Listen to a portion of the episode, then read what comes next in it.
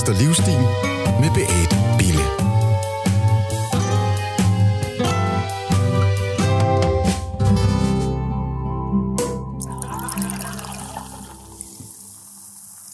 Har du sovet godt? Det er et spørgsmål, man tit stiller hinanden, men hvad er egentlig en god søvn, og hvordan opnår man den? Det ved Michael Rasmussen, som er søvnekspert, forfatter og foredragsholder. Du lytter til Euroinvestor Livsstil. Mit navn er Beate Bille, og i dag skal det handle om søvn. Velkommen til, Michael. Tak skal du have, Beate. tak, fordi du vil komme. Det kunne du tro. Må høre, hvordan har, hvordan har du sovet i nat? Jeg synes, jeg har sovet godt. Altså, jeg har fået min tæt på 7,5 times søvn, som er sådan set det optimale, hvis man så skal kigge på, at man skal igennem fem søvnstadier halvanden time. Har du sovet godt, Beate? Øhm, ikke, ikke lige så godt som dig. øh, jeg, jeg, har, jeg er meget gravid, og så havde jeg en, øh, en i, et barn i sengen også, så jeg, jeg har sovet mindre godt. Okay. Øhm, Men øh, det betyder ikke noget. Du kan sagtens komme igennem dagen alligevel. Nå, det er godt. Det er jeg glad for. Så fortsætter vi podcasten. øhm, Michael, øh, hvad er din baggrund? Uh, jeg har beskæftiget mig med søvn i mange år. Jeg startede øh, inden for, øh, jeg blev ansat i Statens Luftfartsvæsen efter en pædagogisk psykologisk uddannelse, hvor jeg underviste øh, primært flyveledere, til dels også piloter, i inden alt det, der her human factor, fordi man i luftfarten fandt ud af, øh, når vi kigger på den menneskelige faktor i forhold til ulykker og hændelser osv., øh, at en af de primære årsager til ulykker, det var faktisk det begreb, der hedder fatig. Altså man har sovet for lidt, for dårligt, på tværs af tidszoner og sådan noget også. Blot en times mindre søvn end dit genetiske behov nedsætter faktisk din reaktionstid signifikant. Så siden da har du, har du, er det der, du begyndte at være fascineret ja, af så blev jeg søvnen? fascineret af søvn, og så øh, sprang jeg ud i, øh, om, ja, det var 2005, øh, og satte fokus på søvn, skrev en bog om søvn, øh, og i dag bruger jeg cirka halvdelen af tiden på at lave søvnvejledning, altså folk, der har søvnbesvær, øh, og halvdelen af tiden på at uddanne øh, søvnvejledere rundt i landet. For der er desværre ikke så meget viden om søvn i vores behandlersystem i dag. Øh, og det skal vi altså se at sætte mere fokus på, for det er rigtig vigtigt. Men, men hvorfor er søvnen så vigtig? Altså, der er jo en god grund til, at vi skal bruge cirka en tredjedel af vores liv i den bevidsthedstilstand, man kalder søvn. Øhm, det har vi jo fået i evolutionsgave, ikke også? At vi skal bruge cirka en tredjedel. Så det, det er jo ikke øh, spild af tid. Det er rigtig vigtigt. Øh, og søvnforskningen ved jo rigtig meget i dag, øh, hvorfor vi skal faktisk bruge 5, 6, 7, 28 år i den bevidsthedstilstand, der her søvn. For der starter en masse anabolsk opbyggende, restituerende processer. Og anabolsk er... Det er opbyggende, restituerende. Ja. Øh, og øh, altså, det sker kun under søvn. Der er ikke på andre tidspunkter. Så, så det er rigtig vigtigt at sørge for at få sin søvn og prioritere sin søvn. Mindre søvn har nogle konsekvenser. Det vil sige, hvad sker der i kroppen, hvis du ikke får sovet? Altså, man skal jo hele tiden skelne mellem den korte tid, for vi alle sammen oplever en gang imellem at sove dårligt. Det er også det, livs små forstyrrelser, det sker der sådan set ikke noget ved. Men man kan sige, på kort sigt, lige nu her, hvis du får mindre søvn, end du har brug for, så vil jeg tro, at de fleste derude kan genkende til, at det påvirker mit stemningsleje, mit humør. Øh, fordi den emotionelle regulering sker også under søvnen. Og så får du mindre søvn, så har du også svært ved at læse andre menneskers følelser, dine empatiske evner. Du bliver faktisk en lille smule mere asocial. Du trækker dig lidt fra det sociale samvær osv. Ikke også? Det er typisk det første, man mærker på kort tid. Og Det vil så sige, at arbejdssituationer bliver du dårligere til at aflæse dine kollegaer, for eksempel? det kan jeg love dig for, det gør. Altså, der er jo lavet en masse undersøgelser også, hvor man laver samarbejdsøvelser. For eksempel, hvor man øh, søvnprøver folk, øh, og så på andre tidspunkter ikke søvnprøvet, og så kan man ligesom undersøge, hvordan de samarbejder. Øh, og det er meget, meget tydeligt, at samarbejdsevnen, altså den måde at være social, den måde øh, at have relationerne, øh, bliver påvirket kraftigt af mindre søvn. Og det er for mig også lige så vigtigt, fordi jeg beskæftiger mig rigtig meget med unge mennesker i øjeblikket. Altså det er for mig at se en af de største grunde til mistrivsel i det her samfund, det er, at man får for lidt søvn. Og sådan lidt firkantet kan man sige, øh, at øh, den del af søvn, der her rapid eye movement, drømmesøvn, som vi bruger cirka små to timer i, det er typisk det, der fylder det mest i den sidste del af natten. Og det er også det, vi sådan lidt populært sagt kalder en emotionel regulering. Og det er typisk det, vi mangler, hvis vi får for lidt søvn. Men det vil sige, du sagde, et øh, syv en halv time, det er optimalt, og der skal du ned i fem søvn. Fem, Stadier. fem ja, vi gennemgår sådan stadier i løbet af natten, ikke også? Mm. Hvor vi i den første del af natten øh, har meget dyb søvn, øh, og den sidste del af natten har vi lidt mere overfladisk søvn og remsøvn. Det er det, man kalder de ultradiane rytmer, som gennemgår i løbet af natten. Og en voksen menneske øh, har brug for et sted mellem 7 og 9 timer. Men det interessante det er, når man måler på tusindvis af mennesker, alting går i kurver, sådan omvendt ud i søvnen, når vi snakker om de her ting, så kan man sige, at, at øh, syv og en halv time, det er det optimale, for alle, der sover under, alle, der sover over, de har et dårligere helbred. Og det er jo fordi, det er fem og en halv time. Eller undskyld, hvorfor? fem, fem, fem søvnstadier. Men, Men hvorfor, når man sover over, hvorfor har man så et dårligt Ja, helbred? det er et godt spørgsmål. Altså, fordi vi ved, at, at, at sove for meget, og sove for meget, det er jo mere end 10 timer, ikke også? Øhm, men hvis du sover for meget, så har du faktisk lige så dårligt helbred, som hvis du sover for lidt. Det vil Hvorfor sige, hvis, Ja, fordi altså det vil sige, hvis man sover for meget, så er det måske noget, man skal kigge på, hvorfor Ja, du har brug for ja. at sove så meget. Og så er der også, altså det her, det er jo statistikker, så det er klart, at dem, der sover for meget, de har måske også ofte nogle problematikker, nogle sygdomme, nogle lidelser, som gør, at de sover for meget, og så bonger de selvfølgelig ud med øh, et dårligt helbred, ikke også? Så kausaliteten, årsagssammenhængen i det her, øh, er selvfølgelig komplekst. Men, men er det de steder søvnsygdomme? Altså, kan man lide af det, siden man sover for meget? Eller? Ja, det kan man godt. Altså, der er det, man kalder dysomni, altså søvnsygdomme. Der er nogle døgnrytmelidelser, altså, hvor du har det, man kalder en for tidlig døgnrytme eller en for sen døgnrytme, hvor du flytter døgnrytmen, øh, sådan at du nogle gange øh, er vågner om natten og er, øh, øh sover om dagen osv. Ikke også? Det er faktisk en sygdom, som kan behandles, hvis man er indstillet på det. Altså, hvordan behandles med... Det kan behandles øh, blandt andet medicamentellt med melatonin, men også med lysterapi og andre, ikke også? For at få justeret den rytme ind til, skal vi, kalde- skal vi kalde det døgns 24 timers lys og mørke.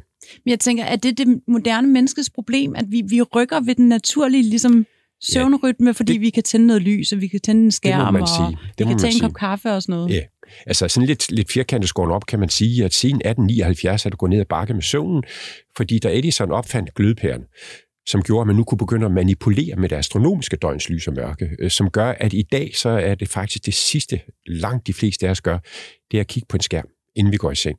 Øh, og det vil sige, at du får en masse uhensigtsmæssigt, primært blå lys ind i gennem nogle lysfølsomme celler, der sidder i øjet, som nedsætter det der voldsomme vigtige søvndysende hormon, det her melatonin.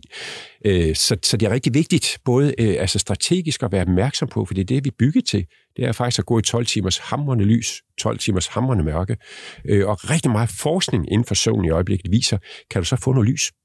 Og du skal ud mindst to timer om dagen, fordi det producerer serotonin, det er også med til at producere mere melatonin om aftenen. Kan du så sørge for, øh, at dit soveværelse er mørklagt, og meget gerne, inden du går i seng, skærme dig for lys. Et, et, et rigtig godt råd, som ikke ret mange af os gør, det ved jeg godt, men at sidde i mørkningen en time, inden du går i seng, det skal vi tænke på, det er det, vores nervesystem er bygget til, det er at sidde ved et bål, stille og roligt og falde om. Så hvis man sidder i en mørke en time inden, så lover dig, at du sover som lille barn. Hvad, hvad, men ser du ikke Netflix om aftenen så, eller hvad? Det skal vi helst ikke snakke om, vel? okay. øhm, men det vil sige, hvad er den gode søvn? Jamen, den Kort. gode søvn, det er jo, altså kort sagt, det er nok og godt nok. Og der skændler vi mellem søvnlængde og søvnkvalitet. Man kan i princippet sagtens sove øh, 8 timer, øh, men en, med en dårlig søvnkvalitet.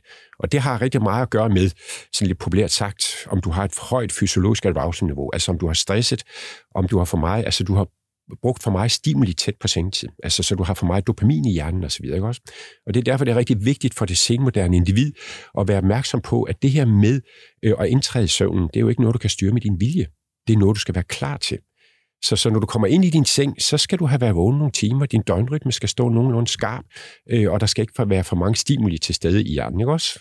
Og det er jo det, der er et problem for mange af os, det er jo, at vi udsætter os selv for alt for mange stimuli tæt på sengetid. Og hvad er stimuli? Det er flere. Jamen, det er at kigge på en skærm. Det er, øh, og lige når jeg snupper lige den her, øh, øh, jeg går lige på TikTok, jeg går lige ind på, på Facebook og ser, hvilket lorteliv jeg har lige inden jeg går i seng, eller jeg lige skal tjekke øh, øh, mail, eller jeg måske lige bliver fanget af en Netflix-serie, som gør, at den lige stopper på det mest spændende tidspunkt. Åh, oh, nu starter jeg snupper lige et afsnit mere, ikke også? Så på den konto, så kommer de fleste af os faktisk for sent i seng. Og det senmoderne individ har nedsat søvnlængden i løbet af både få årtier. Og det startede omkring år 2000. og hvad med kaffe og rødvin, eller jeg tager, spiser lige en pose slik? ja. Er det, er det skrøner, tænker jeg? Nej, det er det sådan set ikke. Altså man kan sige, at hvis du har alkohol til stede i blodet, når du går i seng, øh, så øh, påvirker det din søvnkvalitet. Øh, både i forhold til forbrænding af alkohol, det nedsætter søvnlængden, og det nedsætter faktisk også remsøvn. Det gør cannabis. Det gør stort set alt medicin også. Øh, så øh, det er uhensigtsmæssigt. Kaffe, det er der forhåbentlig ikke nogen, der drikker mere om aftenen. Det må man nemlig ikke.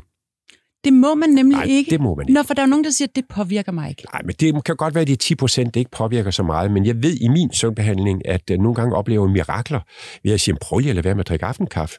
Så kommer det en uge efter og siger, hold op, hvor jeg sover godt. Altså, jeg kan kun drikke en kop kaffe før klokken 10. Alt efter klokken 10 om morgenen. Det kan jeg mærke. Ja, det kan Altså, så du er meget sensitiv ja. i forhold til det. Ja. Altså normalt vil man sige i Danmark, man skal ikke drikke kaffe efter klokken 5. Fordi øh, sådan en kop kaffe på 100 mg koffein, den har en halveringstid på omkring 6 timer. Så drikker du en kop kaffe klokken 9, så er der 50 mg opkvikkende effekt klokken 3 om natten. Så det er uhensigtsmæssigt for din søvn. Hvad med sukker? Det er også skidt. Altså, i virkeligheden kan man sige, der er kommet ny forskning ud, som siger, at øh, det er ikke smart øh, at spise efter kl. 8 om aftenen. Så hvis du kan sørge for at få et godt nærende aftensmåltid, så du ikke har behov for fedt, sukker eller krids, og hvad ved jeg, inden, så er det faktisk rigtig godt for din søvn og for hele stofskifteprocessen. Men må jeg høre, hvad er, jeg ved, du har syv tegn på, at man får for lidt søvn. Hvad er det? Tror du lige, jeg kan huske dem i hovedet? nogle af dem så. Vi ja. tager nogle af dem. Ja, men altså, jeg har lige behov for at sige igen, ja. det vigtigste grund til, altså det er, at du er, at du er frisk og veludvildet, når du vågner om morgenen, ikke også? Øh, og går du ofte i fra den ene infektion til den anden infektion, øh, så er det typisk noget med, at du får for lidt søvn. Fordi sover du for lidt, så fungerer dit immunforsvar ikke ordentligt. Øh, så, det vil sige, hvis man har ramt meget forkølelse ja, og det kan jeg alt for. muligt, så er det fordi, du mangler noget ja, søvn. Altså antistofferne i blodet bliver ret hurtigt nedsat ved mindre søvn. Øh, så det er meget, meget vigtigt for dit immunforsvar, øh, at du får nok søvn. Så det er den anabolske, var det? Det er den anabolske opbyggende, ja. Det vil sige, man kan, man kan sige, hvis du er tit ramt af forkølelse, influenzaer og skrænter, ja. det er en af de første. Det er en af de første. Øh, eller første, men det er i hvert fald noget, du vil begynde at lægge mærke til, ikke? også fordi det påvirker ret hurtigt. Altså, under søvnen så får øh, immunforsvaret jo en offline boost af dimensioner. Det er rigtig, rigtig vigtigt. Sover du for lidt igennem længere tid, så går du faktisk rundt i en lettere betændelsestilstand i din krop. Øh, og det har nogle konsekvenser på længere sigt. Det kan vi måske snakke om senere, hvad for lang sigt det er. Det er inflammation, ja. Ja, præcis. Øhm, og er der andre tegn? Man bliver uvenner med sine omgivelser? Altså, man kan sige, øhm, det tror jeg, de fleste derude kan genkende til, at det første, jeg lægger mærke til, hvis jeg ikke har sovet nok, det er min, mit humør. Jeg får en lidt kortere lunte, jeg reagerer lidt hurtigere, fordi den emotionelle regulering sker under søvn, ikke? så dit stemningsleje vil blive nedsat. Øh, du trækker dig lidt fra, fra det sociale. Øhm, Altså for, også fordi det, det er jo rigtig vigtigt, vi ved i dag, at under søvnen, så nedregulerer du, altså helt ned på celleniveau, så nedregulerer du de negative følelser og opregulerer de positive følelser. Og sover du mindre, end du har brug for, så påvirker det altså næste dag dit humør.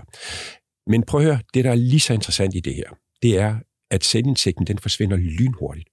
Så vi kan alle sammen gå rundt, typisk med en, måske halvanden times mindre søvn, jeg har brug for, men jeg kan vende mig til at mit humør. Jeg kan vende mig til, at jeg er lidt hurtigere på lunden. Jeg giver lidt mere uhensigtsmæssig feedback.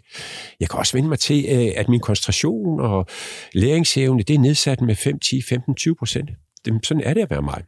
Det er derfor, det er vigtigt, øh, at vi skal være mere, altså forstå strategisk omkring søvn. Altså virkelig prioritere den som noget vigtigt. Fordi der er så mange kræfter, der modarbejder den her søvn her for det senmoderne individ. Men jeg tænker, vi kan jo ikke alle sammen gå rundt hele tiden og være i balance. Hvor lang tid må man gå rundt og sove sådan smådårligt? ja. Altså, fordi jeg har også været, jeg er skuespiller og været på netoptagelser, og du ved, der er nogle ting, eller har sammen små børn, eller sådan, altså, hvor lang, hvornår får man regningen? Ja, altså prøv at det er hammerne vigtigt, øh, at man ikke bliver bekymret, fordi man sover dårligt en gang imellem. Det gør vi alle sammen, primært på grund af stress. Det vi kan kalde livs små forstyrrelser er, at jeg måske har et lille arbejdspres i øjeblikket, eller der er en åndssvag chef, eller hvad det nu kan være. Måske er der noget derhjemme, der belaster lidt. Jeg ligger inde i sengen, problemløs og kan have lidt svært ved at falde i søvn. Altså det er der sådan set ikke noget sundhedsskal i, medmindre det er et langvej. Og du kommer ud af det her. Du oplever, at du har overblik og kontrol igen. Du sover fint. Du har måske sovet dårligt i en uge eller 10 dage, øh, og du ryger tilbage i en god gænge igen. Det er fuldstændig uproblematisk. Selvfølgelig har det en korttidskonsekvens, men det er ikke noget, der er sundhedsskadeligt. Så der skal man ikke blive bekymret, Nej. at man er lige inde i en måneds Nej. tid, hvor det hele bøvler Det er voldsomt lidt. vigtigt øh, at afbekymre sig i forhold til de her ting her, ikke også? Men hvad, tænker jeg, hvad kan man så gøre, når man har haft den der dårlige periode? Så sådan nogle tricks til at komme tilbage til den gode søvn. Ja, yeah. altså det allervigtigste, hvis vi skal begynde sådan småt med søvnrådene, det er det er regulariteten, det er regelmæssigheden. Øh, at hvis du har sovet dårligt, så skal du huske at sige til dig selv, at din døgnrytme, den er fuldstændig ligeglad med, hvor meget du har sovet. Den er bygget til at holde dig vågen om dagen og til at søvn om natten. Den er i princippet fuldstændig ligeglad med, at du kun har sovet 5 timer. Men du vil opleve nogle små dips i løbet af dagen, fordi døgnrytmen giver lige slip på alarmeringssignalerne op til hjernen, hvor du virkelig mærker, øj, hvor er jeg træt nu. Men hvis du gør noget fysisk, går en tur får noget lys, ud og tager en kop kaffe, eller hvad det nu kan være, så kører døgnrytmen op igen, for den er ligeglad med, hvor meget du har sovet. Og det er et meget vigtigt budskab. Det er, øh, at der sker ikke noget ved at sove for lidt en gang imellem. Men det næste, det er så, øh, at hvis du begynder stille og roligt at kompensere på grund af den dårlige søvn, ved at snuppe en middagslur eller gå meget før i seng, bruge længere og længere tid i sengen. Det er vigtigt, at du bliver i den regelmæssige ting. Så du skal sige til dig selv, hvis det er, at jeg sover for lidt, hvis jeg kun sover fire timer i nat, hvis det er det, du vil, så kan du godt gå på arbejde, hvis du ikke er flyveleder, jo, øh, og ikke skal køre 500 km på motorvejen, så kan du sagtens gå ud og præstere. Men prøv at blive i strukturen. Lad være med at kompensere ved at sige, ej, i dag orker jeg ikke at gå ned i fitnesscenteret. Ej, i dag melder jeg fra min gode veninde til en god kop kaffe, for jeg er så træt. Vær fysisk, emotionelt, øh, kognitivt aktiv og hold strukturen, så vil hjernen automatisk indhente det, den mangler. Så det er meget, meget vigtigt, at du siger til sig selv, det sker der ikke noget ved, men jeg begynder ikke at kompensere uhensigtsmæssigt. Jeg holder gang i de her ting her. Det er ligesom, lidt ligesom når man er jetlag. Man skal, lade den, man skal holde den kørende, indtil man kan gå i seng, når ja, det er mørkt. Ja. Ligesom.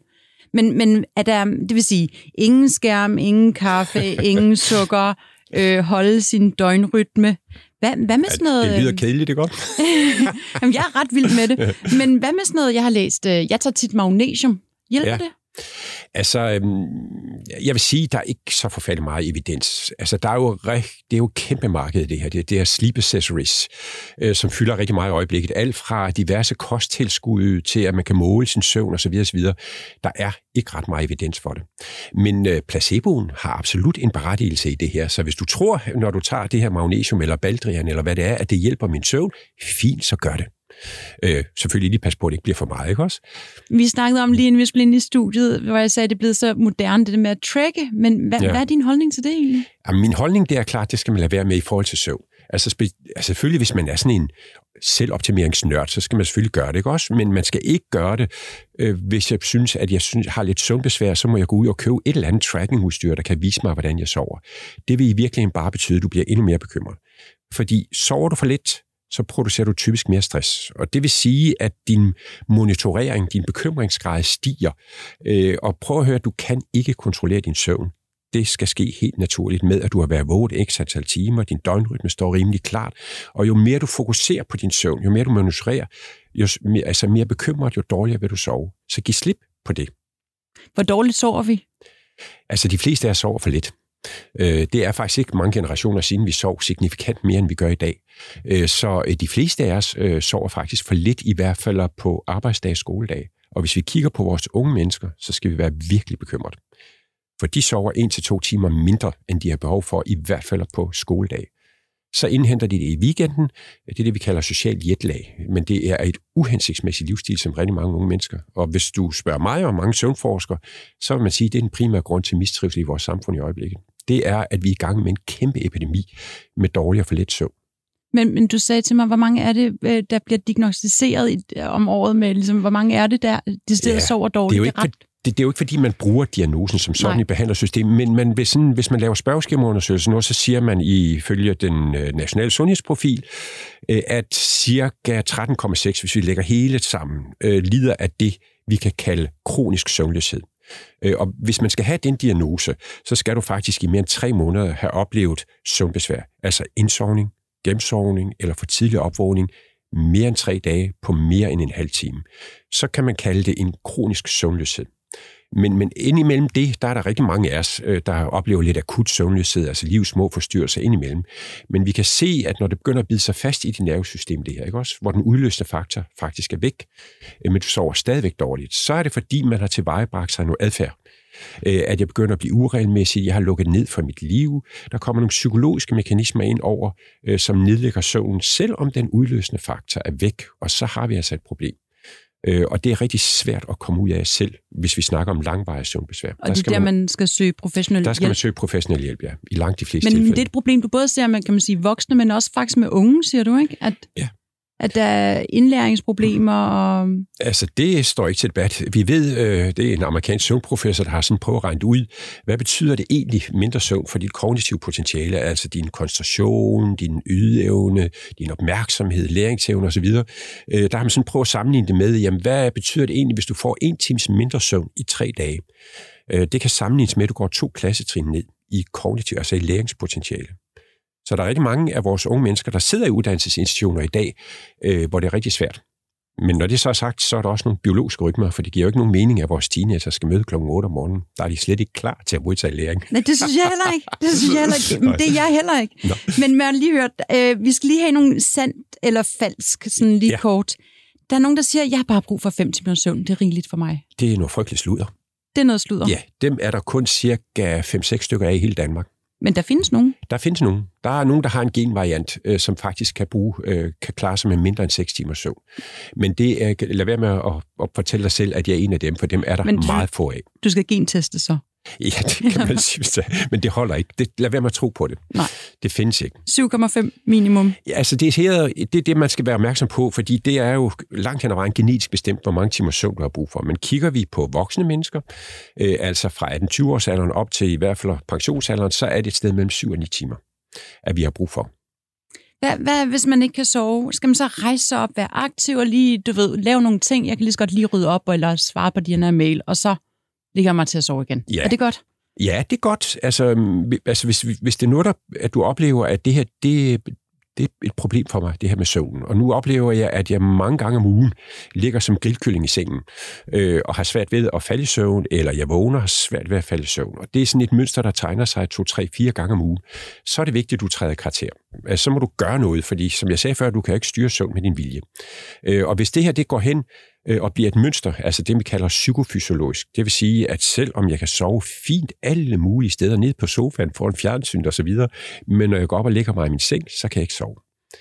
Så er det det, vi kalder psykofysiologisk. Det vil sige, at sengen har mistet sin værdi som stimuli til søvn, den er i stedet for at blive stimuli til vågenhed.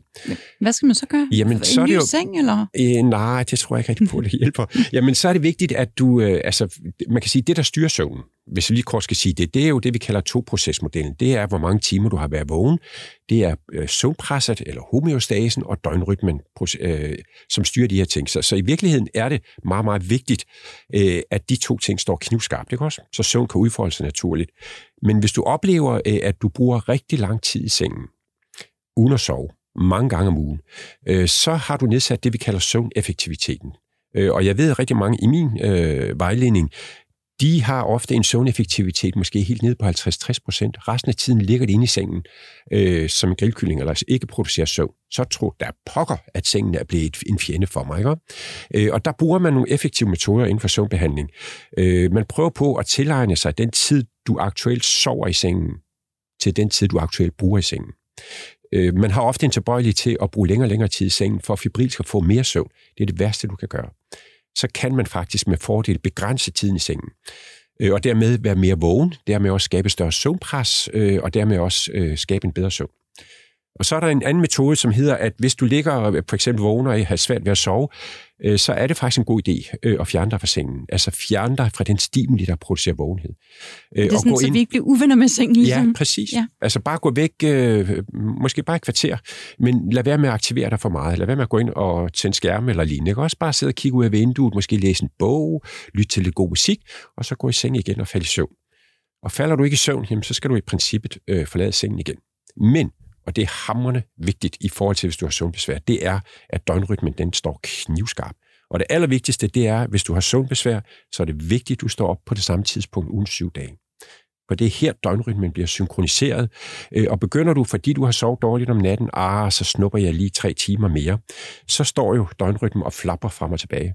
Så husk at sige til dig selv, Selvom jeg kun har sovet fire timer, så kan jeg godt komme igennem dagen, for det er døgnrytmen ligeglad med.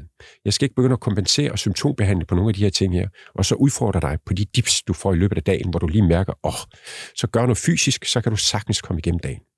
Og hvad med, nu har vi lige talt om alkohol tidligere, men, men et glas vin, for eksempel. Ja. Påvirker det os? Nej, altså kun hvis du bruger alkohol, som, altså forstår mig ret, som hjælp til indsovning. Øh, det er der for øvrigt temmelig mange, der gør. Øh, kaster lige tre glas rødvin i sig, inden de skal ind og sove, fordi så kan jeg falde i søvn. Øh, men det gør jo desværre, at kvalitetssøvn bliver dårligere. Så det er en uhensigtsmæssig livsstil. Så hvad, hvad sker der så, efter et så, par timer? Jamen, altså, Vågner man så igen? Ja, du får mindre ja. søvn. Altså, det er jo også en grund til, at vi får øh, tømmermænd og så videre. Det er jo en dårlig søvn også, ikke også? Men, men øh, selvfølgelig skal du da tage dit glas rødvin, men, men du skal bare ikke bruge det som, som hjælp til at falde i søvn, ikke også? Så ideelt set, så skal du ikke have alkohol til stede blodet, når du går i seng. Og alt, alt indtagelse før klokken 8 om aftenen? Ja. Så en anden ting, Fordi min mand, han kan godt lide at powernap i løbet af dagen, Mm. og det kan jeg ikke finde ud af. Nej. jeg er aktiv, sådan, ja. du ved, indtil jeg går i seng. Øh, jeg kan godt ligge mig ned og slappe af, men hvad med de der powernaps? Er det så godt, eller hvad? Ja, det, det, det kan man godt sige, det er. Altså, det er jo interessant. Øh, I gamle dage, altså, forstå mig ret, da jeg var ung, der kaldte vi det en nøglesøvn, eller en morfar. Altså det her med at sætte med et bundt nøgler i hånden, øh, og så lige inden man ryger ind i en dyb søvn, for det gør man cirka efter et kvarter 20 minutter. Så, ryger, så slappes musklen fuldstændig, og nøglebundet ryger ned på gulvet, og man vågner igen. Fordi hvis du fortsætter ind i det, et, et længere ind i søvnstadiet, så kan det være lidt sværere øh, at blive vækket, eller også snuppe, skal du snuppe et helt søvnstadie. Øhm, og nu her er det en powernap, for søvn er jo blevet effektiviseret som alle mulige andre ting. at det skal gå stærkere og stærkere og stærkere. Men en powernap er faktisk en god idé, øh, fordi det kan forbedre ens præstation tre timer frem. Men, men du har ret, der er nogen, der overhovedet ikke kan gøre det. Og andre, de kan med fordel gøre det, ikke også?